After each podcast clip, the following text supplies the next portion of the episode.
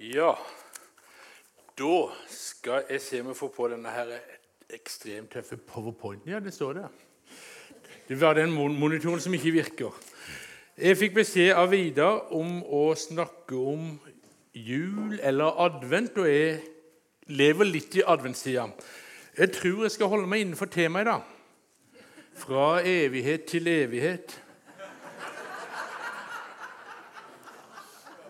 Hva, hvem var det skulle sikte på? Det var han. Første søndag i advent, første lyset er tent. Og eh, Dette blir galt å peke så mye, altså. Ja. Adventtida. Advent det betyr adventikus, ankomst, Herrens komme. Og adventsfargen er fiolett. Og vi er nå i gang med og vente på Han som skulle komme. Og adventstida er der vi ser fram mot møtet mellom himmel og jord. Den blå himmelfarven møter jordfarven, den røde. Og så er det at det skjer noe i det møtet som vi skal snakke litt med. Jeg har med meg Jeg har laga noe, for Vidar sa at du må gjøre det enkelt. For det Nei, han sa ikke det. Eh, men jeg kan jo ta litt om dette først. For i kirka så har vi noe tema for disse søndagene. Og den første søndagen Det er forskjellige tekster fra år til år, men da er det om han som en gang kom. Og så har vi om han som skal komme igjen. Det er fokuset til neste søndag. For det tror vi på. Og så han som kommer til oss. Og det er fint å tenke på at Jeg leser litt i åpenbaringsboka nå og leser en kommentar til den. Det er så lett å adressere Gud til alle andre. Men kanskje denne adventstida skal du be Han komme til det. Og I åpenbaringsboka så står det en flott uh, setning. Uh, jeg har satt for deg en åpen dør. Så kanskje du denne adventstida skal åpne døra og Kunstneren, Jeg husker ikke navnet på han kunstneren som har det bildet når Jesus banker på hjertedøra. Dere har sett det bildet? Han står og banker. På det bildet så er det ikke dørklinke på utsida. Det betyr at det er vi som må åpne opp og slippe han inn. Det er fra åpenbaringsboka 30. kapittel. Jeg står for døren og banker om noen hører min røst, osv. Og, og så er det siste, gleden søndag. Og så er det denne flotte som jeg har laga her. For jeg har lært meg når jeg jobber med unge barn og unge, så må vi engasjere folk.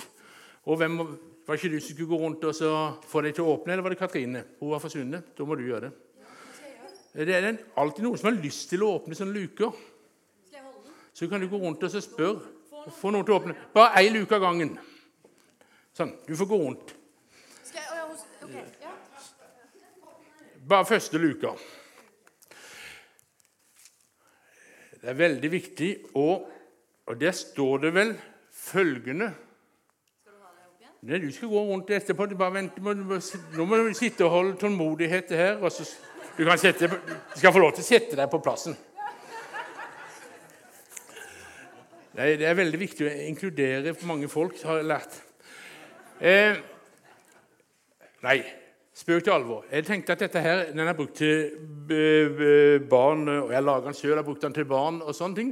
Men det var en grei disposisjon, tenkte jeg for dere. Så husker dere kanskje det første det var løftet. Og det løftet det var Jesaja 7,14. Og det er Da skal Herren selv gi dere et tegn. Se, jomfruen skal bli med barn, og hun skal føde en sønn, og gi ham navnet Emanuel. Dette løftet er skrevet for ca. 700 år siden, før Kristus.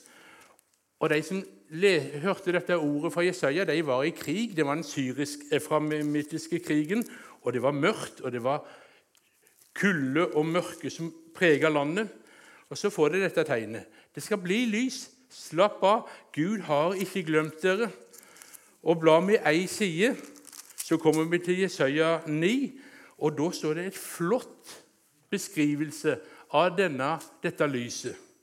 Fredsfyrsten, det folket som vandrer i mørket, ser et stort lys over den som bor i dødssykens land. Stråler lyset fram. Du lot dem juble høyt og gjorde gleden stor. De gleder seg for ditt ansikt, som når en gleder seg over kornhøsten, og som når en jubler når krigsbyttet deles. For åket som tynget, stokken som over skuldrene og staven som til slavedriveren har du brutt i stykker, som på middagens dag. Ja, hver støvel som trampet og hver kappe tilsølt med blod, skal brennes og bli til føde for ilden. Han har fått navnet, og så kommer det noe veldig fint. Underfull rådgiver. Veldig Gud, evig Far, fredsfyrste. Så skal herreveldet være stort og freden uten ende på Davids trone. Og hans kongerike skal gjøre dere faste og holde dere oppe ved rett og rettferd, fra nå og for alltid. Herren over hærskarene skal gjøre dette i sin brennende iver. Her fikk de et løfte, og det løftet det var med å sette mot på dem. Det var med på å fokusere vekk fra mørket. Det var med på å tenne håp. Og er det noe mennesker trenger, så er det håp. Det er det siste du må ta fra deg. Eh, kona mi jobber på intensiven, og hun sier av og til det kan komme folk som tilsynelatende de tenker at dette her skal gå greit, fordi at de, men så dør de. Andre kommer inn som de tenker dette her nesten ikke er mulighet. Men så har de håp, og så holder de det gående, og så klarer de å komme gjennom krisa pga. at de har håp. Gud sendte og ga løfte som tente håp. Og denne Bibelen Jeg sa jeg skulle holde meg innenfor temaet, for jeg begynner på Bibelens første side. Ehm, der står det, vet du Alt var såre godt. Sånn begynner den. Og Så blar du ikke mange sidene. Til kapittel 3 i første Mosebok så kommer syndefallet, og så kommer at slangen skal eh, Jeg skal sette fiendskap mellom deg og kvinnen, sier han til slangen, mellom din ett og din hennes ett. Den skal ramme ditt hode. Der kommer det første løftet i Bibelen. Etter syndefallet så kommer det et løfte om at en dag så skal Gud sette en redningsplan. Og så er det Ja, dette er det første bildet på Messias. Om han som skal komme og ta vekk synden og knekke den. Og så bladet, og så tegnes det stadig et større og større bilde da møter vi Abraham, som får løfte om at han skal bli eh, stamfar til en stor rett. Og Så begynner det få mer og meier forventning, og så kommer det ut stadig nye bilder. Og Hele Gamle Testamentet er jo et bilde på hvem Messias skal komme. Lage forventning, skape det. Og Så kan det hende at jeg skapte en feil forventning det kan det se ut sånn som eh, eh Når de ikke så hvem han var, de som levde sammen med han, og venta noe annet. Men det tegnes altså et sterkere og sterkere bilde av denne frelseskongen. Vi får mer og mer kjøtt på beinet etter mer som vi leser utover i Bibelen. Løftet. Og profetene de sto omtrent som du så på jommersnuten. Så ser du framover. Eh, du ser blåne bak blåne. Og når profeten i Gammeltestamentet sto og så fikk budskap fra Gud, så kunne jeg ikke se akkurat når det skulle skje. Eh, når dere ser på denne fjellet her, så ser dere ikke avstanden. Dere ser heller ikke Er det en by mellom der? Er det et vann? Er det sletter? Sånn var det profetene sto og kikka framover, og så så de ikke bare toppene. Derfor sier Peter i 1. Peters brev, kapittel 3, at dette er noe eh, englene trakter til å skue til bånds i, og profetene ikke kan forstå. For de så bare framover, og Peter ser tilbake. Men det står sånn, og fikk noen løfter som var med å tenne håp. Når Israelsfolket var i fangenskap, så kommer det jo den ene etter den andre med løfter. Det skal en dag komme tilbake.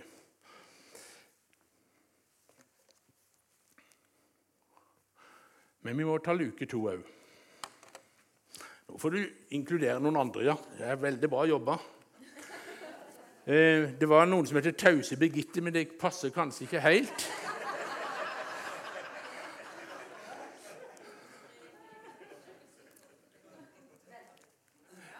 Der står det 'Vente, lys, fred, Betlehem, frelser og konge'. For det tok en god stund fra det første løftet her. 700 år. Dere syns kanskje, i hvert fall de yngste her, syns adventstida kan bli lang, men vi andre syns den går altfor fort. Men det er tross alt 24 dager. Her var det kjempemange år. Så det løftene som ble fortalt Tilsynelatende kom det jo ikke Messias. Så fortalte de til sin generasjon igjen, og så gikk det generasjoner på generasjoner. Og det er ikke rart at noen av dem kutta ut og tru. Det skjer nok aldri. Men det kom altså fram noen. Det kom en Mika som sto og sa i Betlehem, du Efrata, du ringeste blant slektene.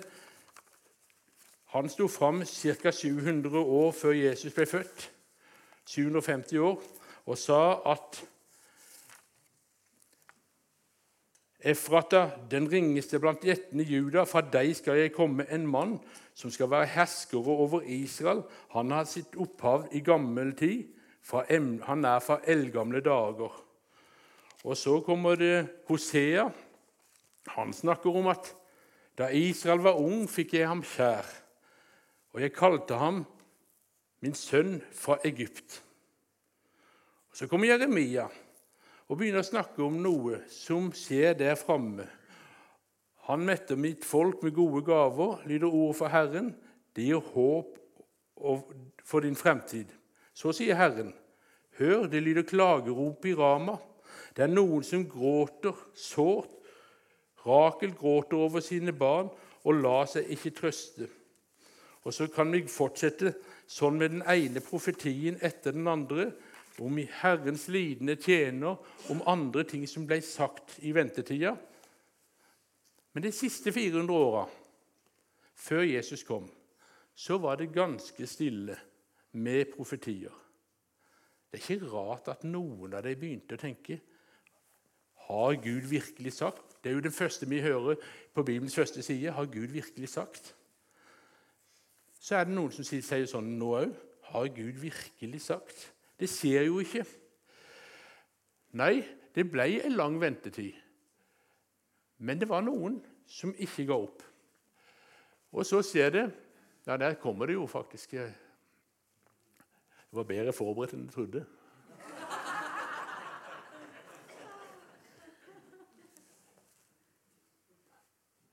Så må vi ta den siste, tredje, ikke siste ennå.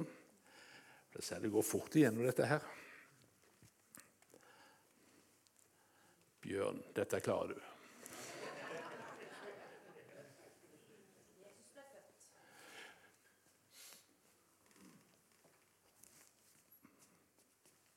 Jesus blir født, ja. Han kom jo akkurat sånn som de hadde sagt. Han kom ja, ikke akkurat sånn som de forventa. De forventa noe annet. Det ser vi jo på når de tre vise menn kommer til, eh, til eh, Jerusalem De søker selvfølgelig Slottet. Det er jo der forventningene var. Det var ikke forventninger om en stall ei fattig dame. Det var brudd på alle Messias-forventningene. Men i dag så hadde vi i kirka en tekst fra Lukas 4. Eh, Nei, ja, Lukas 4, ja. Da Jesus, når han begynner tjenesten sin, så tar han en skriftrull i synagogen. Han åpnet bokrullen og fant stedet der det står skrevet. Herrens ånd er over meg, for han har salvet meg til å forkynne et godt budskap for fattige.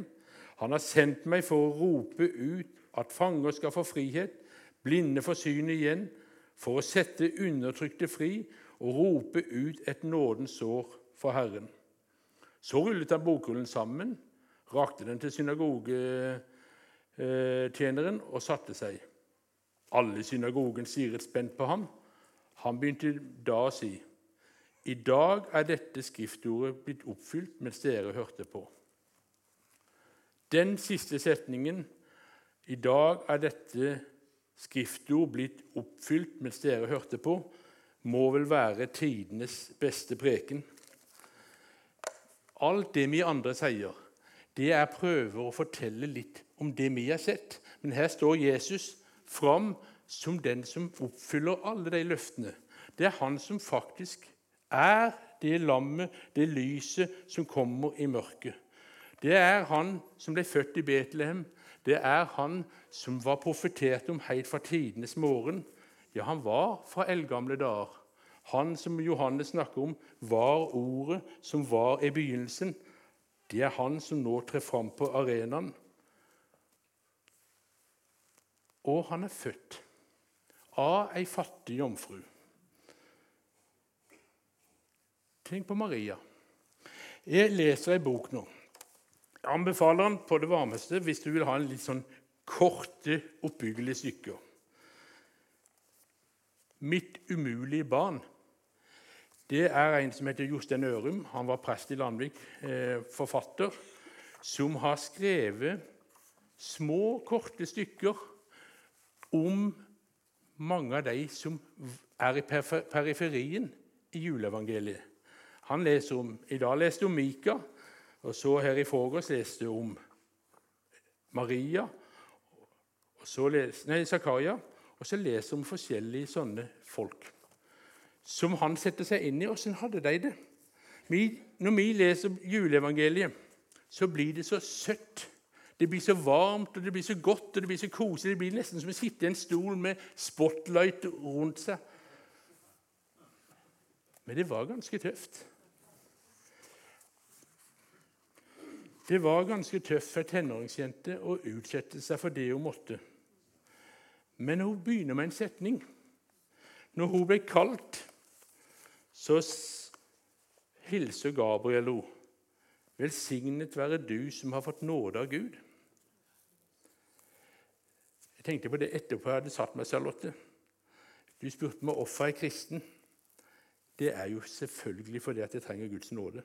Det er det aller viktigste grunnen. Jeg kan ikke møte Gud uten å ha Jesus. Jeg er helt avhengig av hans tilgivelse hver eneste dag. Og Når Jesus går òg fram i Johannes 8, så peker han tilbake på Jesaja-kapittelet, der han sier Igjen talte Jesus til folket og sa, 'Jeg er verdens lys'. Den som følger meg, skal ikke vandre i mørket, men ha livets lys. Her går Jesus rett inn i profetien fra Jesaja. Han som Jesaja snakka om for 700 år siden, det er vi. Det er vi som nå skal bringe verden håp og lys. Og at han ble født sånn som han ble født, er jeg takknemlig for. Når jeg var liten Du spurte om juleminner og sånne ting. Jeg vokste opp i en kristen hjem. Jeg har ikke alltid vært bevisst kristen. og sånne ting. Jeg en stund var litt, litt motstander òg. Ikke lenge. Men, eh, men når jeg vokste opp og hørte juleevangeliet om Maria og Josef som ikke fikk plass, så tenkte jeg hadde jeg bare kommet til meg, så skulle jeg fått låne min seng.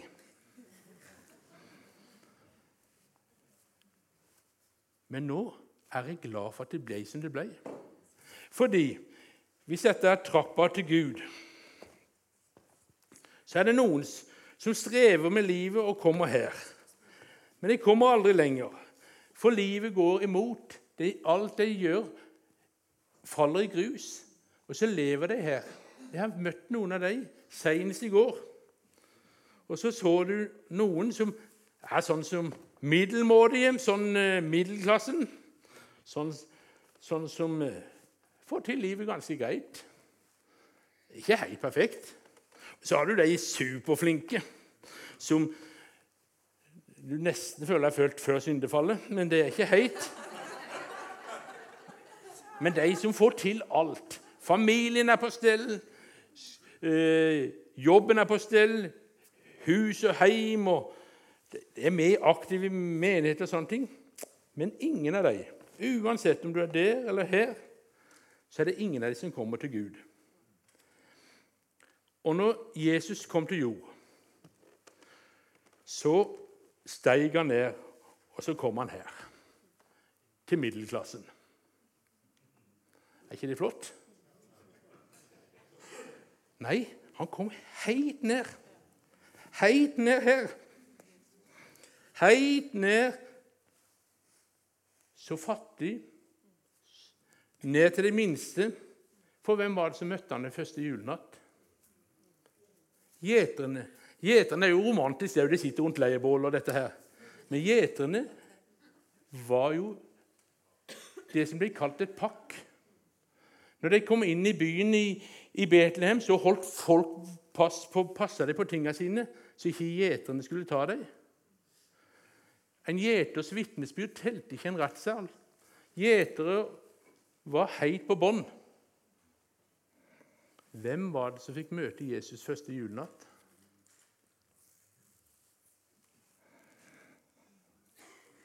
Hvem fikk englesangen? Verdens beste konsert. Fattige gjetere. Men så ble det jo bra. Så kom det jo noen rike konger på besøk. Ja, var det så flott? Hvem var det jeg kongene? Historien har kalt dem tre og gitt dem navn. De fikk de på 300-400-tallet. Eh, men vi vet ikke antallet.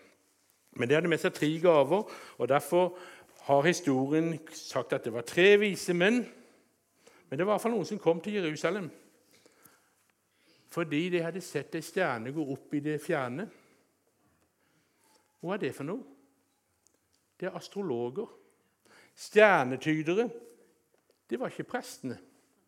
Det var ikke de fariseerne skriftlærde. Ja, når de kommer til, eh, til eh, hoffet i Jerusalem, så kaller nå Herodes til seg noen av de der, eh, skriftlærde, så er det jo noen som faktisk husker at det var det var visst noe i Betlehem en gang som står i noen eldgamle skrifter.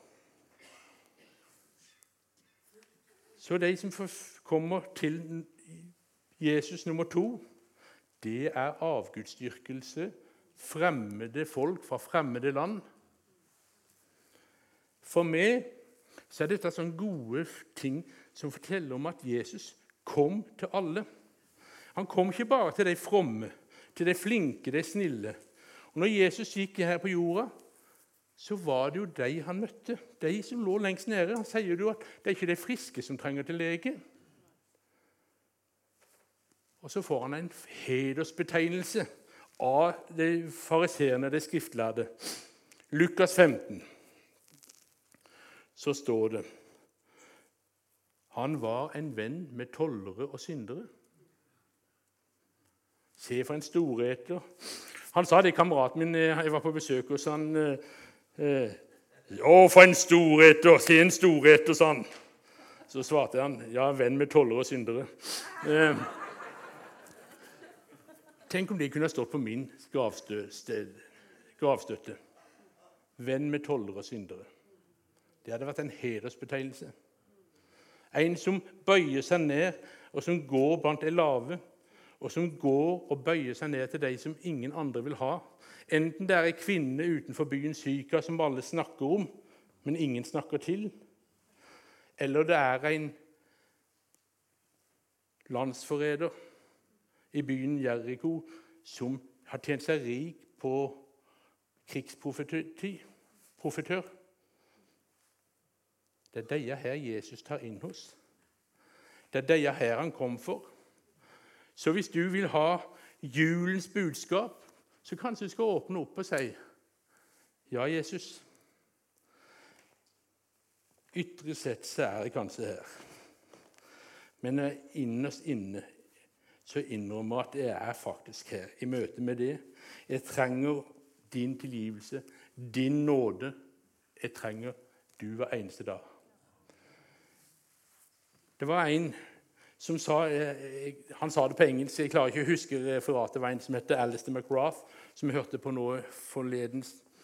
Han siterte en annen engelsk som sa at vi er, ingen av oss er klar over hvor mye syndere vi er.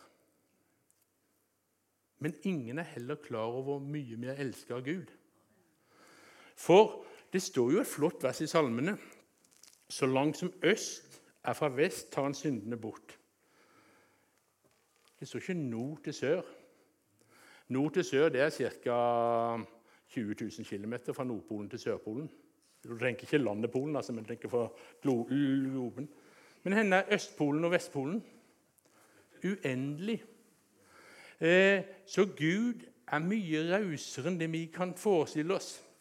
Og Juleevangeliet handler om at han var raus og bøyde seg helt ned til de fattigste. Han er òg raus i møte med meg og i møte med det. Så noen snakker om at vi snakker for mye om synd i kirka. Jeg tror ikke det. Jeg tror kanskje vi snakker for lite om synd. Eh, men vi snakker feil om det mange ganger. For vi henger oss opp i sånne småting. Om det er synd og danse, eller når vi var små, så var det synd å strikke eller fiske på søndag osv. Det sto ingenting i Bibelen om dette. Men det står om at vi tenker mest på oss sjøl, at vi vender Gud ryggen, og vi trenger å vende om og søke Han. Det står det om. Og Gud, synd det er det som skiller oss fra Gud.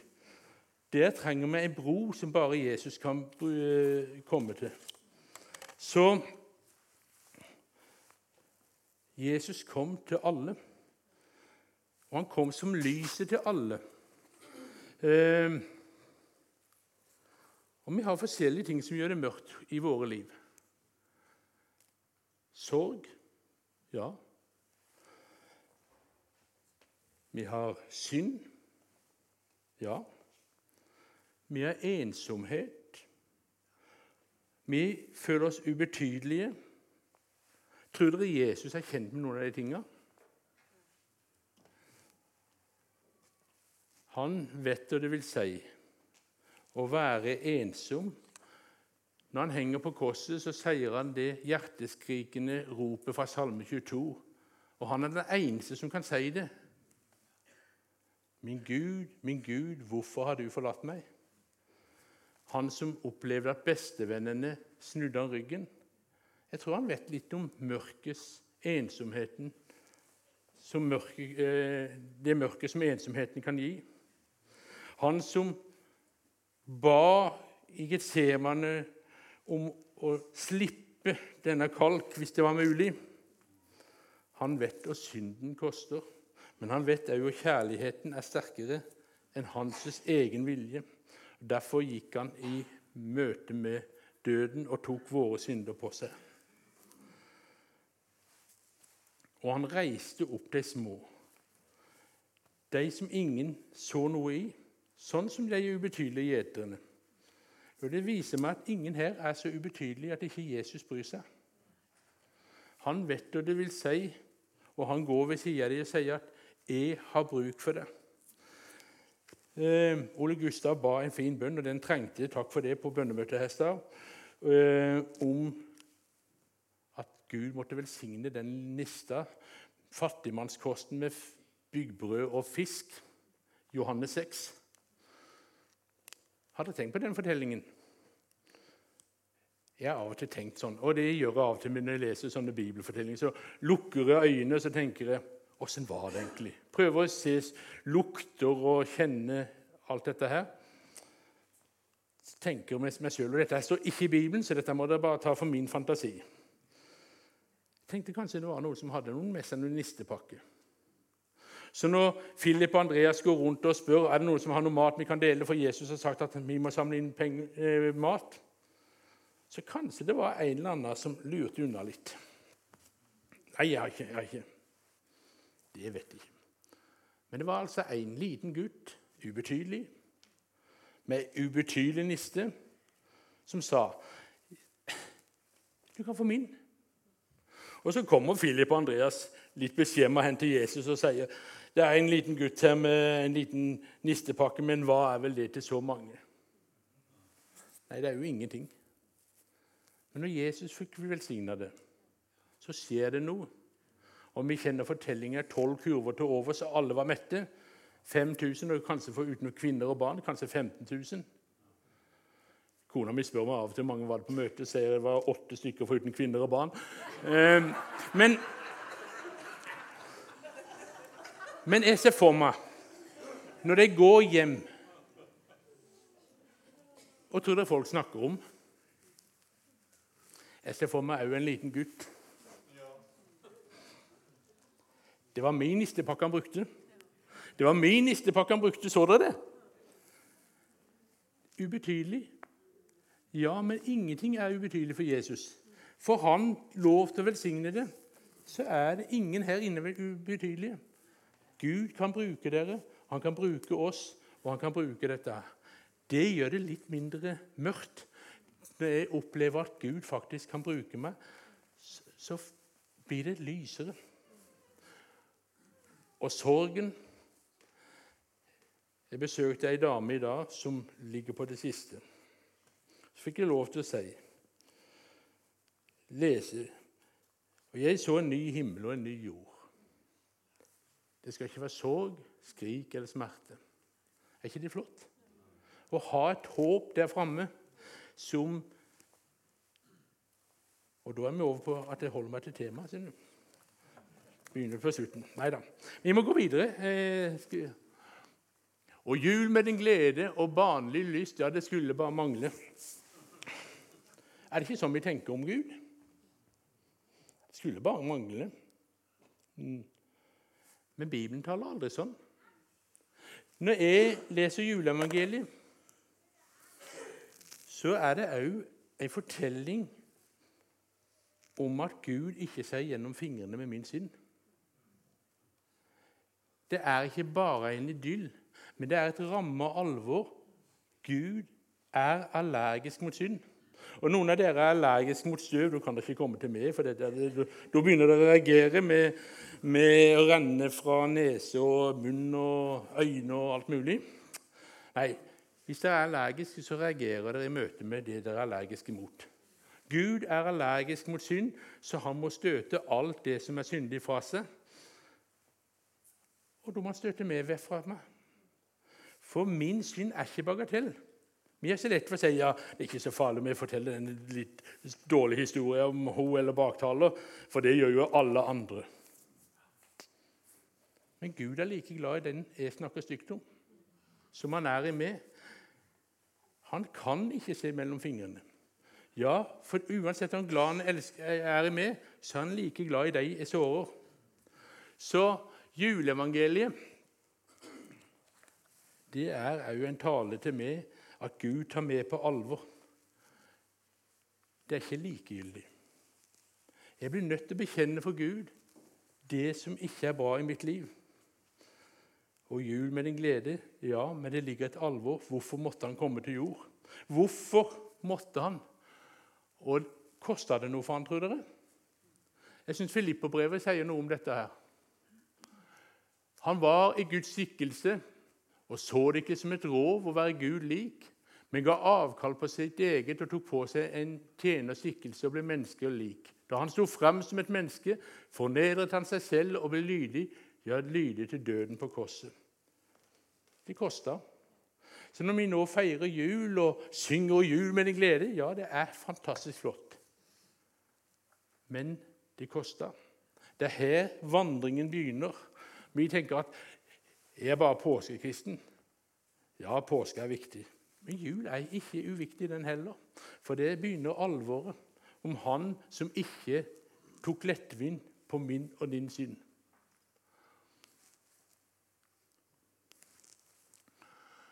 Fra krybben til korset gikk veien for deg. Slik åpnet du porten til himmelen for meg. Jeg skulle ha unnt dere og hørt den tidligere prestefrua i Froland, Fridun Karsrud, hun forteller på en fantastisk måte. Hun har laga sin egen fortelling om juleevangeliet. Og Jeg hørte det i fjor. Hun fortalte Jeg kan ikke gjenfortelle det sånn. Men hun forteller om Maria som sitter inne i stallen, og gjeterne har gått, og det, det er blitt roe der. Og så støkker det i henne, for hun ser den lille barnehanna som går mot krybba. Og så er det akkurat som hun ser for seg en dag skal den gå mot et annet tre. Så et tips få henne til å komme her og fortelle juleevangeliet, eventuelt påskeevangeliet. Der de to hører sammen for meg. Selv blir du fattig, og jeg er blitt rik. Men nå må vi ha en uke til. Nå ser jeg prater meg helt vekk. Men jeg fikk beskjed om at jeg kunne holde på lenge. så... Nå ser dere at det begynner å nærme seg slutten. Det begynner på luke fire. Har vi ikke sagt det før? Vente skal komme igjen. Ja, for det stopper jo ikke her. Bibelen forteller om at han som en gang kom, han skal komme igjen. Og det er den adventstida vi lever i nå. Og forventning om at han ikke bare skal komme én gang, men skal komme igjen. Og vi lever kanskje ikke sånn nå. Det hadde vært litt trasig om Jesus kom igjen i morgen, for da hadde jo gått glipp av hele jula. Og Han må vente til etter skiskyttersesongen er ferdig. Sånn snakker en velfødd frolending som har det så godt. Det er ikke sikkert de snakker sånn, de som opplever sulten i Afrika. Forfølgelse. Kanskje det er litt andre forventninger. Det var jo en del sanger om freedom de blant fangene, nei, slavene i Amerika de hadde forventning om at Jesus skal komme igjen. Og de gleda seg. Vi er av og til fylt med frykt i møte med forventningen, nei, med hans komme. Kanskje fordi at vi har hørt litt usunn forkynnelse opp gjennom tida, men kanskje fordi at vi òg har det så godt. Vi har jo nesten himmelen på forskudd, mange av oss. Men han som kom, han skal komme igjen. Og dette her er vår tid. Ja, nå ble det litt galt på denne animasjonen min, for jeg hadde egentlig tenkt å, å ha også den, eh, det første bildet med blåne bak blåne. Det tenkte jeg å si litt om at det som vi kan gjøre i denne tida, det er å skue tilbake og se at det Mika snakka om, det var sant. Det Jesaja snakka om, det gikk i oppfyllelse. Klageropa i Rama som eh, Jeremia snakka om, det så vi oppfylt når Herodes satte i gang. Og vi så eh, at han kalte han tilbake fra Egypt, sånn som Hosea fortalte. Og Vi kan òg se tilbake på gamle tiders vekkelse og leve i fortida. Det er ikke sikkert det er den beste måten å leve på. Men det er oppbyggelig. Og sånn syns jeg er det oppbyggelig, og dette her er min adventskalender. For her leser om løftene og leser oppfyllelse av løftene. Og for meg er det trossykkelen. Å si det at ja, Bibelen er ikke bare en eventyrbok. Det ser du jo når du leser Mika og du leser juleevangeliet. Henne ble han født? Ja, du var jo akkurat i Betlehem, osv.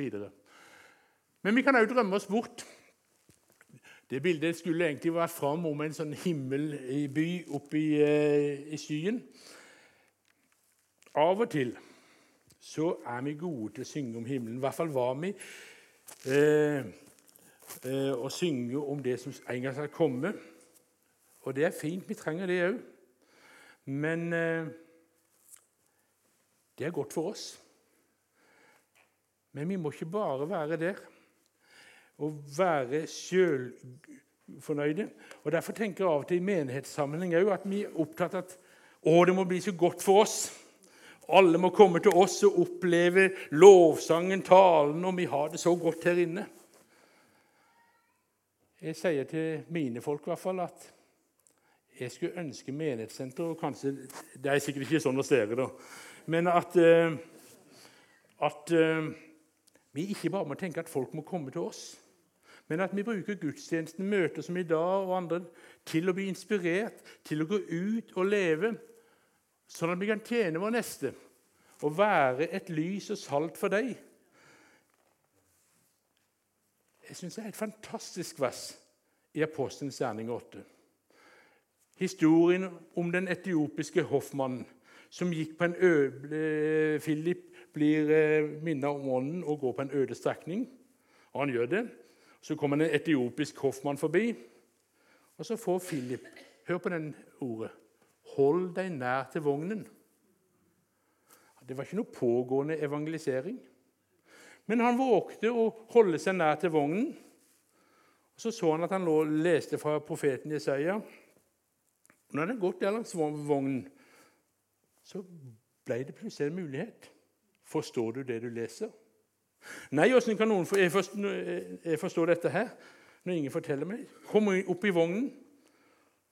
Så var Philip på hoffmannens hjemmebane.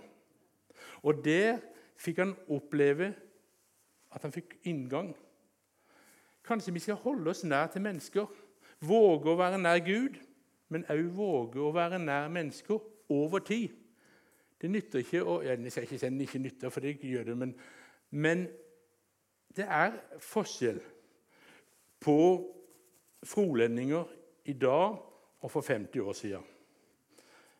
For 50 år siden så visste folk en del sentrale fortellinger i Bibelen. Noe av det jeg snakker om nå, er helt ukjent for veldig mange. Det er unger som lurte på hvorfor det korset var der. Har det hengt noen på det? Hvem er det? I Froland. Det er ikke bare i Oslo. Det går ikke an å si at du må bli kristen for å unngå å komme til helvete. Det vil ikke skjønne du snakker om. Du må holde deg nær med langs vognen, være nær mennesket over tid. Vise barmhjertighetsgjerninger, sånn at folk blir interessert i det du har. Og Derfor var det fint å lese i Frolendingen om deres matkasseprosjekt osv. Og, og denne flotte boka her, som jeg har drevet reklame for Jeg må lese en setning, for det handler om å leve i verden. Eh, nå har han sett, for, sett for seg presten Zakaria, som har hatt besøk av, av, av Maria. Og Så sier denne gamle presten Jeg glemmer ikke avskjeden. Hun kom hit fordi hun trengte å gjemme seg et sted. Et sted å tenke. Hun trengte våre ører og hjerter som forsto. Hun var så redd da hun reiste fra oss. Hun måtte tilbake til det livet som var blitt hennes. Hun visste at hun måtte tilbake for å møte fortsettelsen av livet sitt. Hun visste at hennes hemmelighet, vår hemmelighet, begynte å vise på, vises på henne. Og som hun gruet seg til alle blikkene, til å vite at det ble hvisket stille i alle hjem, at hennes navn ville nevnes ved brønnen. Og i vers denne alle ville mene, men ingen ville forstå. Men under hennes redsel kunne jeg ane en glede så dyp at Maria, ikke engang Maria kunne se til bunns i den. Og så videre. Men hun sa denne setningen her Hun måtte tilbake til det livet som var blitt hennes. Hun visste hun måtte tilbake og møte fortsettelsen av livet. Det er det vi må være. Tilbake, ikke alltid i det koselige, men våge å leve som kristne mennesker i Froland, der vi er, på arbeidsplassen. Det kosta Maria å vende tilbake. Det var trygt og godt for henne å bare være hos Elisabeth og Zakaria. Men det var ikke det som var hennes kall. Det er godt for oss å lukke oss inne, men det er ikke det vi er kalt til. Vi er kalt til å være lys og salt i verden. Og Nå må jeg forte meg videre. Han som en gang kom, svøpte ham og la en krybbe. Han skal komme igjen. Og i hans hus er det mange rom. Og så er det det Jesus holder på med nå. Gjøre et stand et sted for oss. Så må det ikke bli sånn at vi må gå stille, for vet, der er det noen som tror det er bare de som er her. Men der er det et rom for alle typer mennesker. Og så er det vår oppgave å peke på dem. Nå må du ha en siste, nå må jeg forte meg og så ta veldig kort på den siste. Luke 5.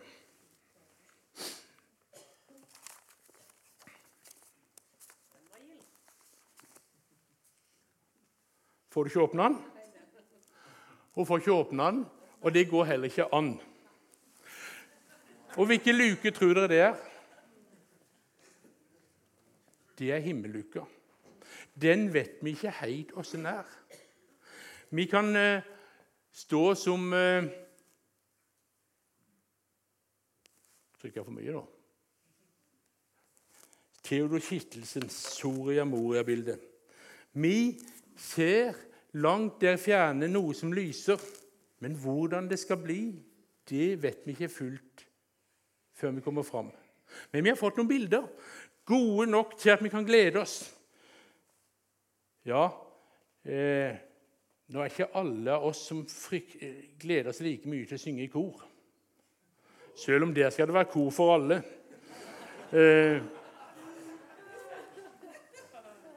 liker like godt den store, hvite skare, for da kan du gå på ski. Men eh, nei da, men eh, Men Jesus, Bibelen tegner gode bilder. Jeg leste at han skal tørke bort hver tåre fra deres øyne. Ikke sorg eller skrik eller smerte. Det skal bli lovsang. Gater av gull er et bilde. Og så er det òg flotte bilder i Romerbrevet 8. Og det er der jeg liker meg best. Skaperverket skal gjenskapes. Og jeg tenker for meg Der skal jeg få lov til å sitte med et fjellvann og få flott fjelløre på hvert eneste kast. Harelosen skal gå uten tap. Nei, jeg fleiper litt. Men vi skjønner nok til at vi vet at der er det bare godt. Og vi kan begynne å glede oss, enten vi liker sang eller Ja, Det blir jo deilig at jeg skal kunne synge rent en gang. Flott. Kanskje det ikke ble Men det som jeg gleder meg mest til, det er at jeg skal møte Jesus. Og så ser jeg på Jesus. Og akkurat sånn som jeg ser på han, fullkommen, uten svik Sånn ser han på meg. Ikke klarer jeg å forstå det, men jeg forstår det så mye at jeg kan glede meg. Og det er den adventstida vi lever i. Kjære Jesus, takk at du kom. Mange hadde slutta å vente, men det var en som het Simon, som ikke hadde slutta. Du skal komme igjen. Hjelp oss til å ikke slutte å vente.